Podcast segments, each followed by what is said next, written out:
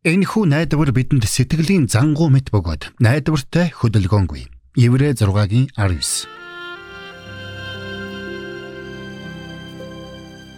Мэргэний сонсог мэдлэгэд хэлэг. Ухаалаг нь мэрэгэн өдрөмжийг мөн авах. Доктор Харалт цаалогийн мэрэгэн зөвлөмж нэвтрүүлэг.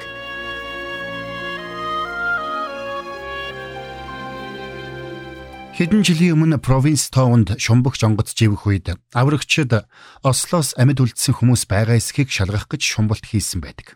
Гэтэл амьд гарах ямар ч найдваргүй мэд нөхцөл байдал дундаас аврагчид хин нэгэн хан тогших чимээг сонссон байна. Аврагчид ч уг чимээг анхааралтай сонсож эхэлжээ. Удалгүй тодорхой хэмнэлээр тогших уг чимээ нь Морсийн код болохыг тэд ойлгосон бөгөөд мөн өхөн Морсийн хэлээр найдвар байна уу хэмээн дахин дахин асууж байжээ. Сонсогчдын маань зүгээс манай хамт олон дэлгээсэн олон загтлуудаас бид үүнтэй адил утгатай загтлуудыг олныг олж уншдаг. Хүмүүс маш олон янзын нөхцөл байдал дундаас ийхүү асуусан байдаг. Жишээ нь нэгэн эмэгтэй бидэнд хандаж бичсэн загталтаа. Багада архичин аав хатуу сэтгэлтэй хойд ихийн гар дээр өссөн тухайга мөн жижигхэн бизнес эхлүүлсэн ч тэр нь өрийн дарамтанд орж хэрхэн дампуурч байгаа тухайга бичсэн байсан. Тэрээр уг загтлынхаа төгсгөлд Хамгийн гол нь надад ямар ч итгэл найдвар алга химэн бидсэн байсан. Ахлах сургуулийн нэгэн сурагч өөрөөс нь хитрхийхийг шаарддаг эцэг эхийнхээ талаар бичгтээ. Өнгөрсөн бям гарагт би сэтгэлээр маш их унаж амиа хорлохыг хүссэн. Намайг ямар нэгэн буруу зүйл хийх бүрд ээж маань дандаа бүх асуудал надад байгаа юм шиг ханддаг. Тэр бүхнээс болоод би бүх зүйлийн буруутан нь би юм шиг санагдах болсон. Би хизээч бусадтай адилхан сайн байж чадахгүй. Надад ямар ч найдвар алга гэсэн байна. Үнэхээр бизнесмен дампуурснаас болоод бусдын хүлээлтэд хүрч чадахгүй байгаагаасаа болоод хүнд өвчин туссны улмаас гэх мэт олон шалтгааны улмаас бид итгэл найдвараа алдаж цөхрөл гутралд автдаг.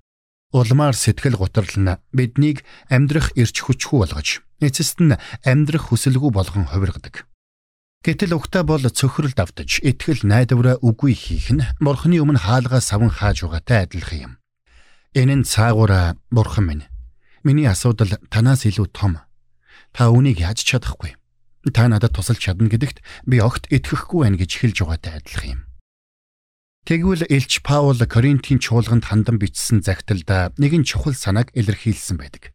Итгэгч бидэнд буй найдвар нь бизнесээ амжилттай болгох, эрүүл саруул амьдрах гэх мэт зорилгоудаас илүү агуу найдвар болохыг сануулan хэлэхтэй. Тэрээр Бид зөвхөн энэ амьдралынхаа төлөө Христэд найдсан бол бид бүх хүмүүсээс хамгийн өрөвдөлттэй нь болно. Химэн бичсэн байдаг. Цөхрөл гутрал дундаа бурхныг өрн оруулж ирэх нь бидний итгэл найдварыг сорж байдаг. Тэр бүх сэтгэлийн дарамтаас чөлөөлөгдөх онцгой арга зам юм. Энэ нь бид өөрсдийн нөхцөл байдлыг хичнээн хүнд хэцүү байхаас үл шалтгаалаад үүнийг эдсийн зогсоол гэж харахаас татгалзаж байна гэсэн үг юм. Энэ чухал зүйлийг ойлгож авсан тухайга манай нэвтрүүлгийн өөр нэгэн сонсогч бидэнд хандсан загталдаа бичсэн байсан. Тэрээр би өөрийгөө бурхны нэгүүлслийг хизээч хүртэх зохисгүй хүн гэж боддог байсан. Миний үйлдэлсэн гэм нүгэл дэндүү их байсан.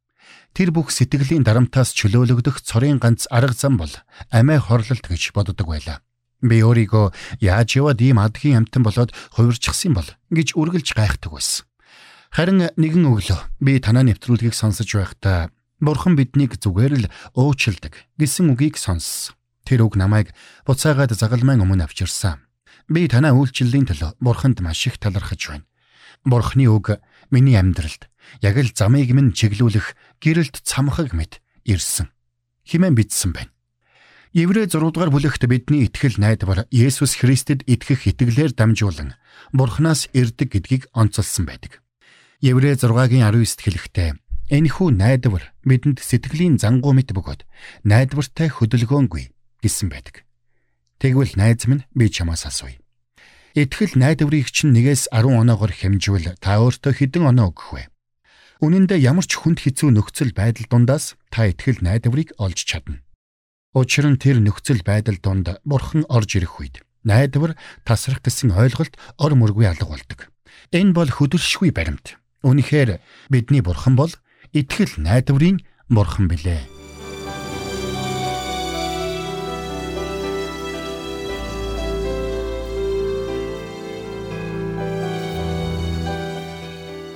Мэргэн нэгнийг дагуул мэргэн мулгуутай нөхөрлөл хорлол.